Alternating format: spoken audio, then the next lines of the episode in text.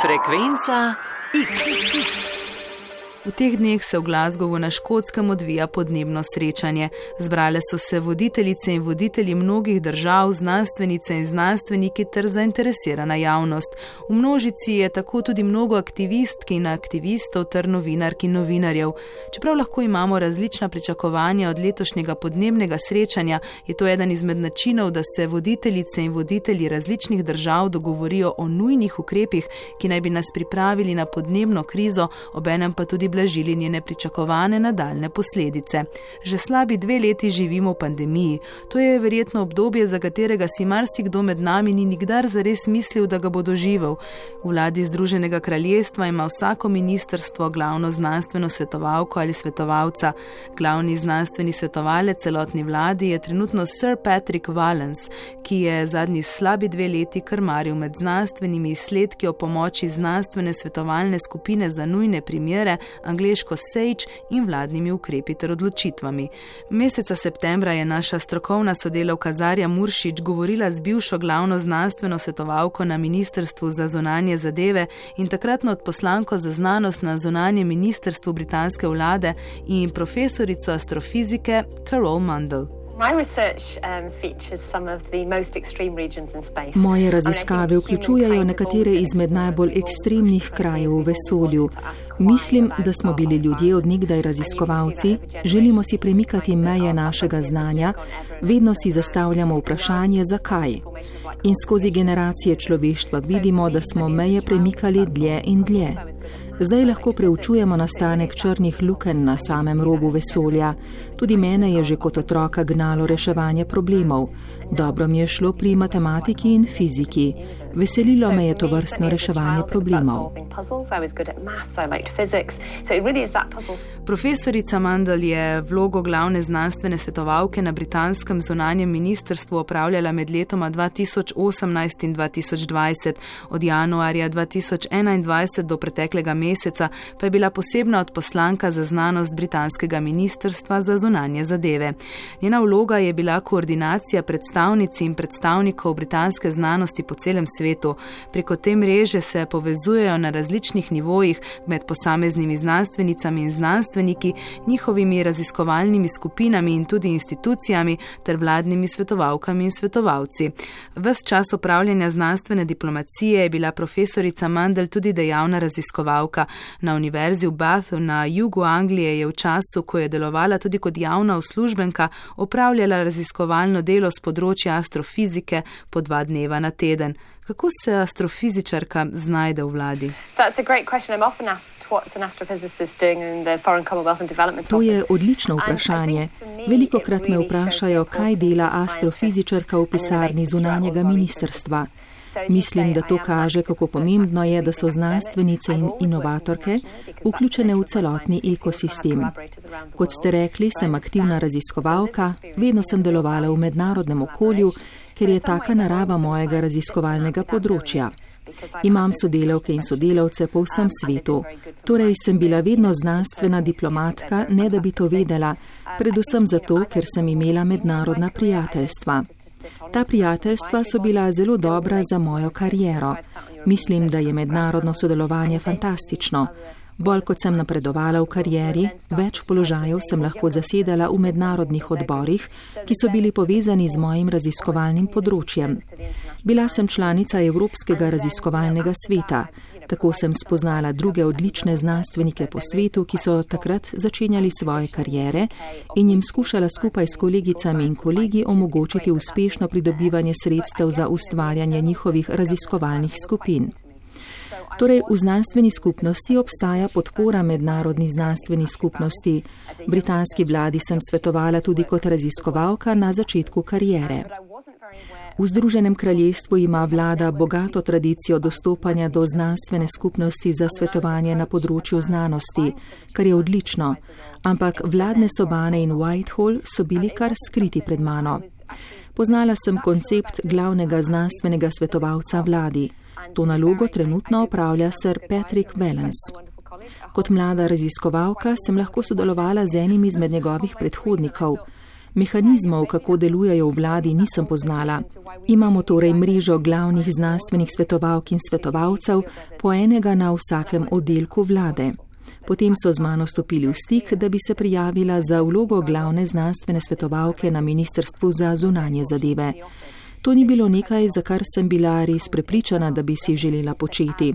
Takrat sem vodila velik raziskovalni oddelek za fiziko in če sem odkrita, ko sem na spletu preverila naziv glavni znanstveni svetovalec, spoštovanjem do mojih izjemnih kolegov, se je pred mano na zaslonu pojavila slika zelo podobnih si belih moških. Mislila sem si, da mogoče pa to ni zame. Mislim, da to kaže, kako nujno potrebujemo raznolikost v znanosti in v vseh naših ekosistemih, ker res potrebujemo dejansko raznolikost življenjskih izkušenj. Sodelovala sem z velikim številom ljudi in vsi so izjemni. Patrick Valens je bil tudi zelo jasen, da potrebujemo raznolikost. Tako so me spodbudili, da se prijavim in grem skozi proces izbire. Bila sem presrečna, da so mi ponudili to izjemno priložnost, da mi je bilo dodeljeno mesto v srcu vlade kot javni uslužbenki in ne kot znanstvenici, ki bi se šla znanstveno raziskovanje v vladi, ampak tako, da delujem kot javna uslužbenka.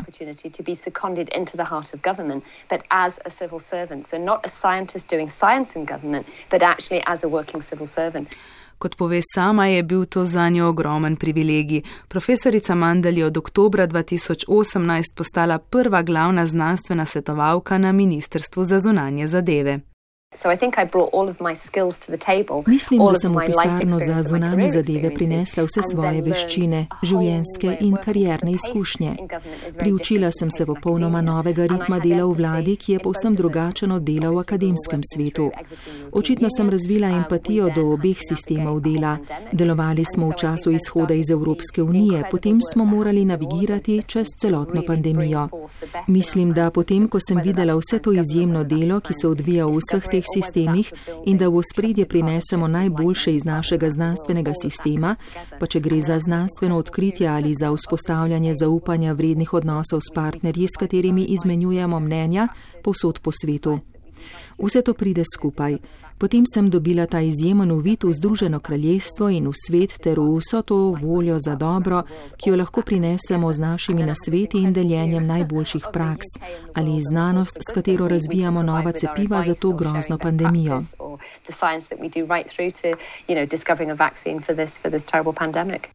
Pri nas ne poznamo to vrstnega mehanizma znanstvenih svetovalcev, kot ga poznajo v Združenem kraljestvu.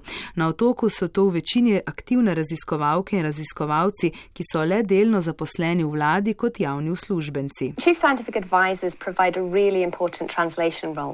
Mislim, da imajo znanstvene svetovalke izjemno pomembno vlogo prevajanja znanosti. Pogoj je, da znanstvena svetovalka prihaja iz znanosti, da razume znanstveno metodo, da razume, kako izpodbijati razvijati predpostavke. Razumeti mora, kako predstavljati in združevati dokaze in podatke. Mi svetujemo našim ministrom, ministricam in svetujemo skupinam, ki pripravljajo ustrezne politike. Pri tem skrbimo, da so v osrčju oblikovanja politik najboljši znanstveni dokazi. Našim ministrom ne govorimo, kaj naj naredijo. Oni se odločijo, ampak sprejemati morajo najboljše odločitve, ki temeljijo na dokazih. Potrebujejo vse te dokaze, da sprejemajo najboljše možne odločitve. Zato so željni na svetov. Zelo pomembno je tudi razumeti, da mi nismo lobisti. Mi nismo tam kot znanstvenice in znanstveniki, ki iščemo tudi vire financiranja naših raziskovalnih področji in zanimanj. Tam smo kot zaupanja vredni javni uslužbenci s tem, da imamo razumevanje, kako znanost deluje in kaj je znanstveni ekosistem, ter kako se stavljati omrežja onkraj meja znanstvenih ekosistemov. Mi prinašamo prave znanstvene dokaze in nasvete glede določenega problema v nekem trenutku ali pa se odzivamo na vprašanja glede politik. Zagotavljamo tudi stalno preizpraševanje predpostavk, s katerimi delajo naše skupine, ki pripravljajo politike in jim pri tem pomagamo.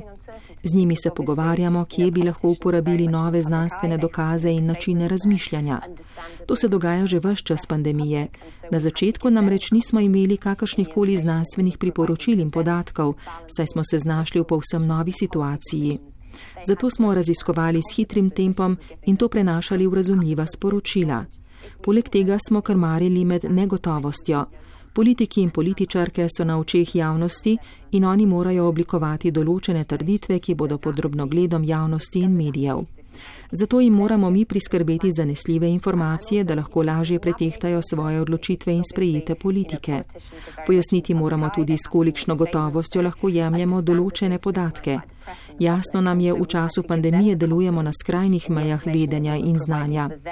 Če nečesa ne vemo, kaj bomo naredili, ko nekaj vemo z neko določeno gotovostjo, sporočimo, dokot lahko posegajo naši odgovori in kako se je naše zaupanje v dotedanje odgovore spremenilo.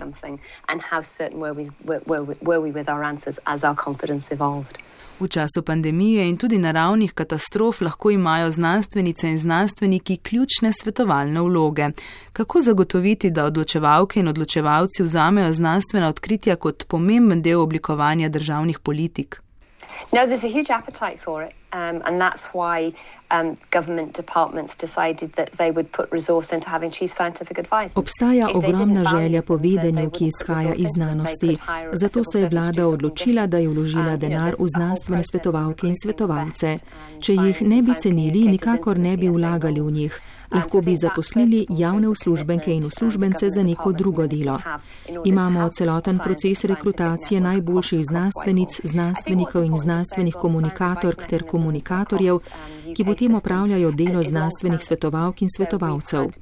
Najprej mislim, da vse to kaže na zavezanost vladnih oddelkov in ministrstev do znanosti in celotnega znanstvenega omrežja na Whitehallu, kjer so prostori britanske vlade in različnih ministrstev. Omeniti moram tudi, da imamo v Združenem kraljestvu že dolgoletno tradicijo mehanizma znanstvenih svetovalcev. Začetki tega segajo vse do druge svetovne vojne. Ta sistem se je razvijal in imamo različne dele te sestavljanke. Imamo pisarno za znanost in tehnologijo v parlamentu, ta enota se nahaja v Westminstru. Ta dostopa do znanstvene skupnosti in tudi odgovarja na vsakodnevna vprašanja o državnih politikah. V parlamentarni skupini zbirajo znanstvene dokaze in pripravljajo poglobljene recenzirane preglede o tem, kar je do zdaj znanega. Potem to predajo naprej v obliki dostopno napisanih povzetkov o nekem vprašanju, ki se dotika državnih politik. Pomislite, zelo zaposlene poslanke in poslanci sprejemajo veliko različnih političnih odločitev dnevno. Če lahko digitalno prejmejo povzetke znanstvenih podatkov in dokazov, jim to pomaga, tudi če niso izobraženi v znanosti in nimajo ne časa, ne zmožnosti, da bi vse to spremljali na samih področjih znanosti. Tako jemljajo v roke te strnjene povzetke, ki pa podajajo zelo zanesljive informacije. Imamo tudi sistem popravkov, za katere je zadolžena Komisija za znanost in tehnologijo. V tej komisiji sodelujejo članice in člani iz vseh strank. Na njihovih zasedanjih lahko poslanke in poslanci pripeljajo priče, jim zastavljajo vprašanja in tako preverijo, če je vlada dejansko ravnala odgovorno. To je zelo pomembno, izberejo si lahko kogarkoli med nami in nas vprašajo o našem delu in delu, ki ga opravljamo. To je prav in korektno. To pomeni, da imamo sistem, ki podpira demokracijo. Ves čas prihaja do preverjanja, ali je naš znanstveni in tehnološki sistem varen in zanesljiv, da torej res pripravljamo prave stvari za vlado in predlagamo prave rešitve. V osrčju Whitehala imamo znanstvena omrežja in tesno sodelujemo z združenji, kot so naprimer Knights of the Royal Society, Royal Academy of Engineering in tako naprej. Vse to še dodatno bogati ekosistem.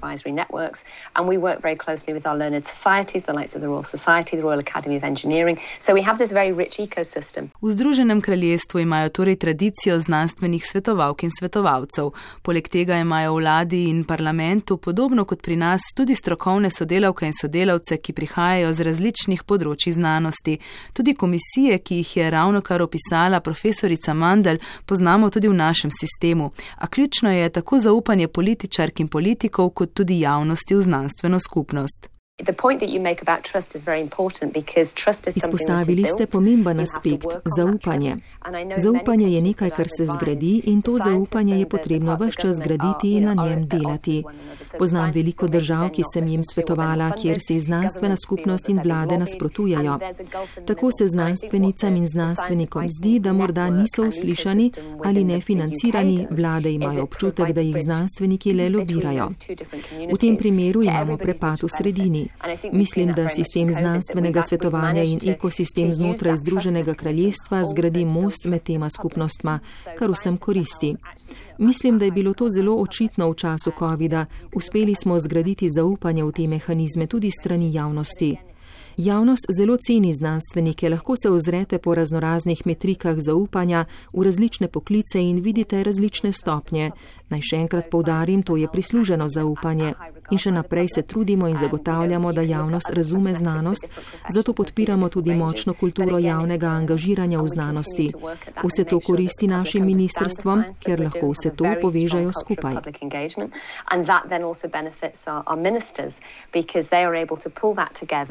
Znanstvene svetovalne skupine, ki delujejo v okviru vlade, pa ne pripravljajo le pregledov zadnje literature in izsledkov raziskav, ko se srečujejo z novimi raziskovalnimi vprašanji, tudi poskrbijo, da so ta vključena v različne raziskave, v katere je vključena javnost.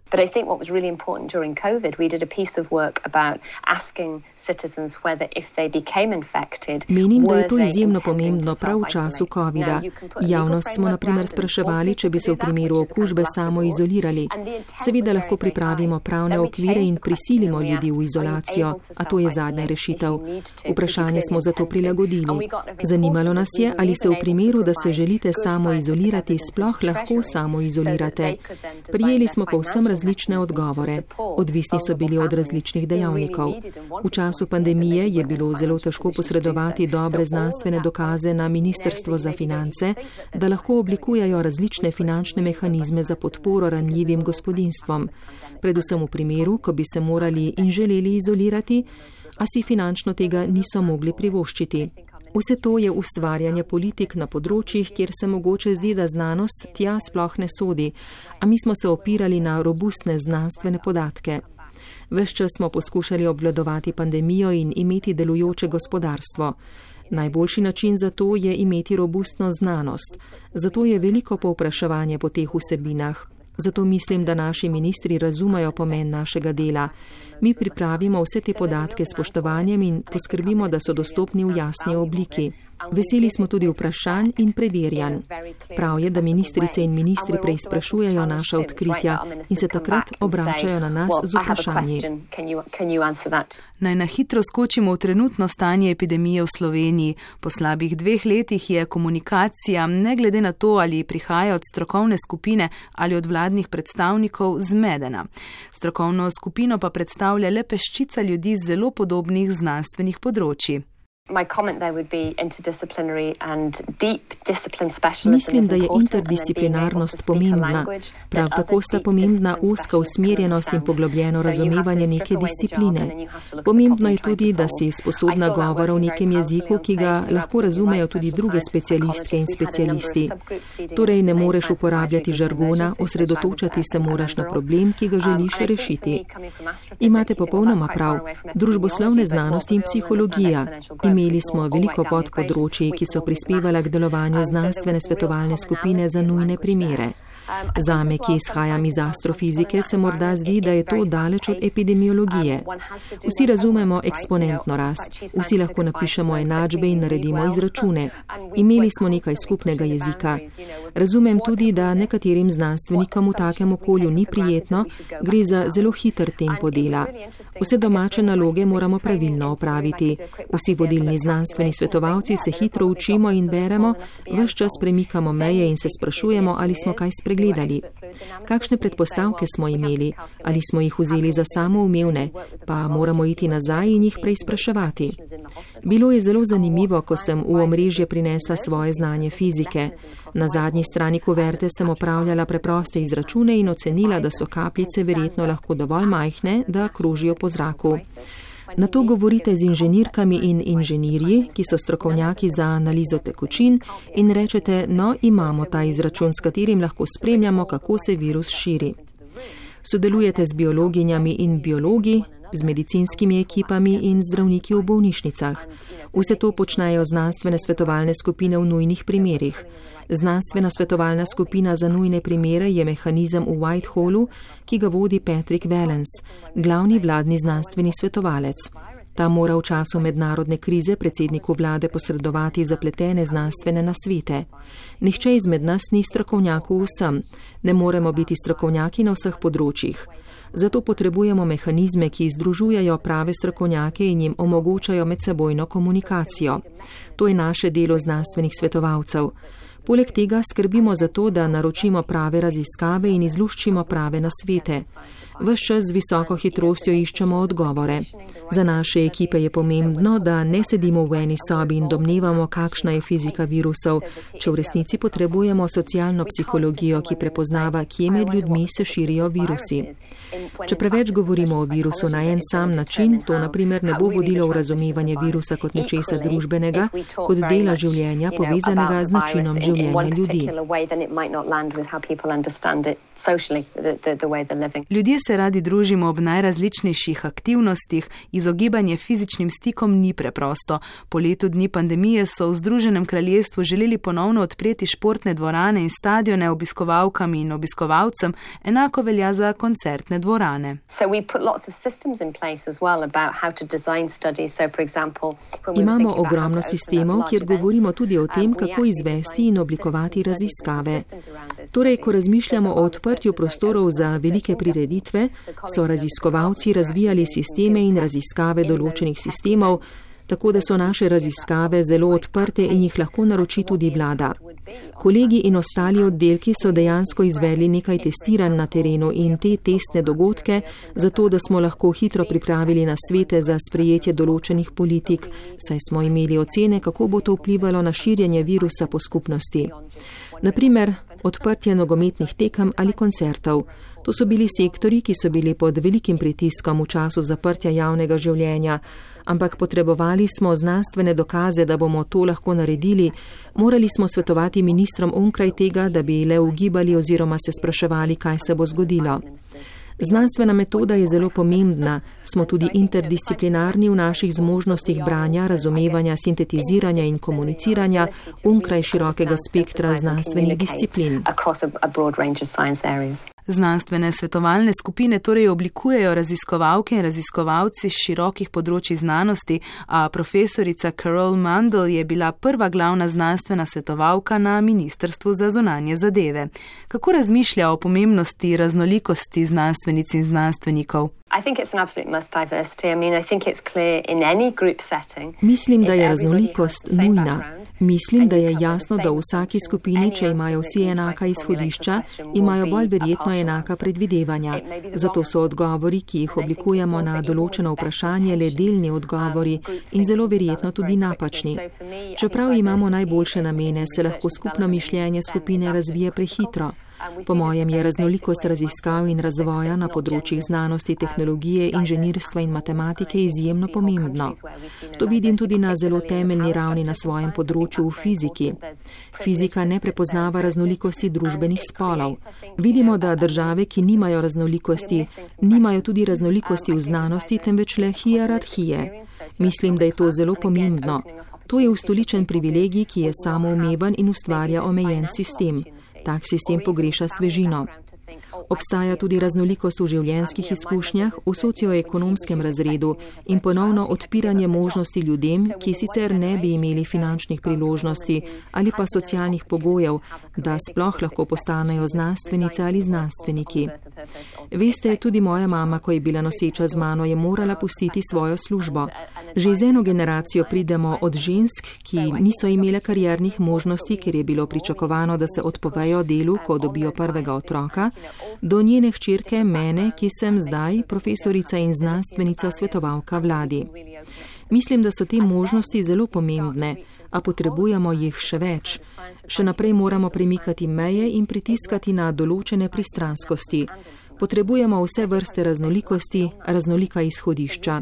Zagotoviti moramo, da invalidnost ni omejitev in da zares lahko odpremo vstopanje v te sisteme vsem. Potem imamo tudi doseg do vseh delov družbe in na sveti znanosti, ki jih oblikuješ, in tudi znanost, ki jo izvajaš, predstavlja celotno družbo, tako nacionalno kot tudi mednarodno. Dodala bi še kot zadnjo točko tudi razlog, zakaj je zelo pomembno iti k pravičnosti in enakosti. Dejstvo, da bo katera znanost in znanstvena inovacija, ki prihaja, lahko tudi pogubna, če nimamo te raznolikosti že v samem začetku.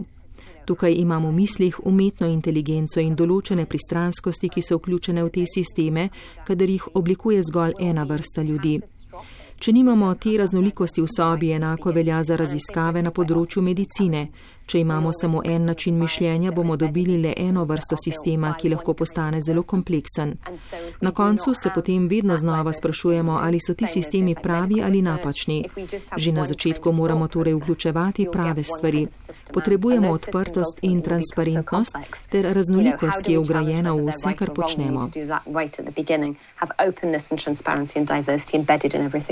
Seveda se je tudi v Združenem kraljestvu med pandemijo pripetilo veliko napak. Tudi v tem trenutku je v javnosti ogromno tren glede povsem sproščenega življenja, ko se ljudje obnašajo, kot da virusa več ni, čeprav nekateri opozarjajo na povišan pritisk na bolnišnice.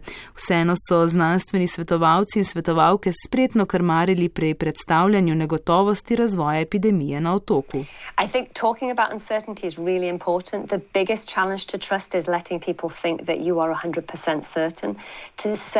Mislim, da je govoriti o negotovosti zelo pomembno pomembno.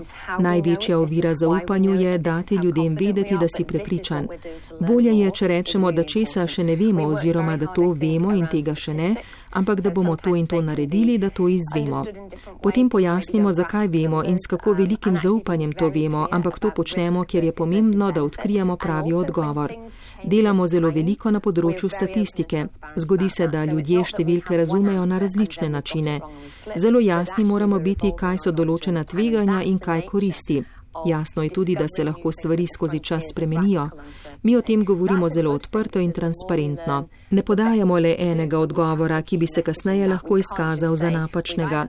Naše znanje in vedenje razvijamo vse čas.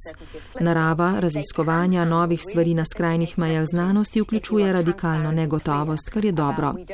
Več kot se naučimo, bolje lahko delamo.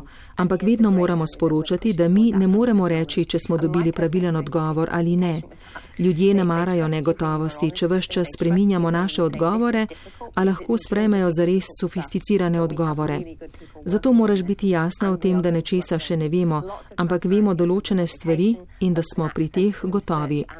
Tu pa imamo sive cone, kjer se premikamo k mejam našega znanja. Moja osebna izkušnja je, da so ljudje zelo potrpežljivi. Zaupajo ti, ko si z njimi odkrit. Zaupajo ti, ko poveš, da je nekaj zapleteno, ker so stvari, ki jih raziskujemo, svojsko zapletene stvari ampak imamo zelo dobre ljudi, ki delajo z nami in odkrivajo odgovore na vprašanja. Ves čas nadgrajujemo naše znanje in imamo ogromno preglednosti pri objavah, sledimo odprtemu dostopu do raziskovalnih odgovorov in objavljamo priporočila takrat, ko jih oblikujajo na vladi, takrat se hitro znajdejo tudi na vladnih stranih. Novinarke in novinarji so jih tako lahko vzeli in preučili. Na naših dnevnih tiskovnih konferencah so bili prisotni politiki in znanstveni svetovalci, Bilo je odprto, vsak je lahko vprašal, kar je želel. Imeti ta dostop do dobrih znanstvenih komunikatorjev, da lahko vsak zastavi vprašanje, ki ga skrbi in zanima, ter prejme odgovor, in ta je čim bolj jasen in nedvoumen. Nažalost, v digitalnem svetu obstajajo tudi nasilni akterji, ki namerno širijo dezinformacije, ki so lahko izjemno nevarne. Borimo se proti toku. Ne gre samo za nezaupanje in negotovost. Gre za zelo napadalne akterje, ki iz nekih nenavadnih vzgibov namenoma zavajajo ljudi in s tem tvegajo življenja ljudi. Proti temu se borimo s transparentnostjo in odkritimi odgovori. Današnjo frekvenco frekvenco X smo začeli s podnebnimi spremembami. Tudi gostitelj COP26, britanski predsednik vlade Boris Johnson, po lastnih besedah pred vstopom na čelo vlade ni verjel v človeško povzročene podnebne spremembe. Nedavno so v britanskem dnevnem časopisu Guardian poročali, da je mnenje spremenil šele po druženju z britanskimi znanstvenimi svetovalkami in svetovalci. Citiramo: Prosil sem jih, da so mi vse predstavili in ko vidiš skoraj navpično rast, rast na grafu temperature, je zelo težko nasprotovati, da smo priča antropogenim podnebnim spremembam. To je bil zame pomemben trenutek. Yeah, I think it's a, a really important question. As you say, climate change is the biggest existential threat that's facing us. Mislim, da je to uh, izjemno pomembno vprašanje. Kot ste rekli, podnebne spremembe so največja eksistencialna grožnja, s katero se soočamo. Smo v zelo težavni situaciji in imamo malo okno, v katerem lahko še naredimo nekaj sprememb. Imamo zelo jasno tarčo, da omejimo dvig globalne povprečne temperature za 1,5 stopinje Celzija. To je izjemen izziv, ampak ga je še mogoče doseči, zato moramo reagirati zdaj. Mislim, da je mobilizacija pomembna. Vemo, da se kot vrsta ne mobiliziramo, ko smo soočeni s krizo, ponavadi naredimo obratno. Mislim, da so te povezave v znanosti in pri raziskavah po vsem svetu tiste stvari, ki ohranjajo pogovore žive. Tudi zdaj le je pogovor pridobivamo zaupanje in spoznavamo, da smo vsi skupaj v tem in tako bomo odkrili in predstavili rešitve veliko hitreje skupaj. Moje opazovanja so, da je bilo v času pandemije ogromno sodelovanja. Drugače ne bi imeli dostopa do cepiv po vsem svetu. V začetkih pandemije smo si mislili, da nikoli ne bomo prišli iz tega. Nismo imeli nobenega zagotovila, da bomo razvili cepiva. Mislim, da tega ne smemo vzeti kot nečesa samoumevnega. Naša znanstvena skupnost je naredila izjemno delo. Pomembna je tudi logistika in dobavne verige. Imamo globalni, a zelo ranljivi sistem. Upam, da smo se iz pandemije naučili, da je bilo katastrofično v smislu izgub življenj in vpliva na države, lahko pa bi bilo še veliko slabše. Če se moramo kaj naučiti iz tega, je, da se nam ni potrebno ponovno znajti v taki situaciji. Smrtnost tega virusa je veliko nižja od drugih virusov na svetu. Res moramo spremljati globalno zdravje, spremljati moramo živalske rezervoarje, poskrbeti moramo za naravo in biološko raznovrstnost. Vse to vodi v širši odnos do našega planeta, ki je glavna podpora našemu življenju na tem planetu. Podnebne spremembe so v srčju tega. To pandemijo moramo uporabiti kot test, veliko stvari bi lahko šlo bolje. Vse družine, ki so bile prizadete zaradi pandemije, si verjetno želijo, da smo se naučili česa iz tega kot družba. Zdaj vedno bolj občutimo podnebne spremembe po svetu, spremljali smo katastrofalne požare v veliko državah, videli smo poplave, vemo, da bodo ekstremni vremenski pojavi postali pogostejši. Države, ki so že prizadete, prosijo države, ki so največji onesnaževalci, naj odnehajo. Letos gostimo v Glasgowu ogromno podnebno konferenco. Veliko sodelujemo z vladami po vsem svetu, da bi jim znanstveno pomagali. Obstaja nekaj znanstvenih inovacij, tehnoloških inovacij, s katerimi lahko ukrepamo zdaj. Potrebujemo pa tudi spremembe na ravni politik, potrebovali bomo finančne inštrumente. Ko pridemo iz te pandemije, je bil naš predsednik vlade zelo jasen, mora slediti zeleno okrevanje. Pravičnost in podnebje morata biti v središču tega, kajti vpliv podnebnih sprememb je na koncu največji ojačevalec neenakosti. Prav tako najbolj prizadene ženske in otroke. To bo vodilo v lakoto in neenakost, kar že vidimo po vsem svetu. Zato moramo izkoristiti lekcije in šok, ki smo ga doživeli s to pandemijo. Ne smemo sedeti in misliti, da je konec. Vse je v redu, vrnili se bomo v svoje stara življenja. To preobrazbo moramo popeljati naprej. Zdaj je čas, da na podlagi tudi tega zagona nadaljujemo in predvsem gradimo na sodelovanju z drugimi državami. Vsi skupaj poskušamo rešiti naš planet, da bi lahko vsi živeli varno in uspešno na tem planetu. Imamo ta planet, tam zunaj so še drugi lepi planeti, vendar niso tako lepi kot ta, sploh ne za ljudi.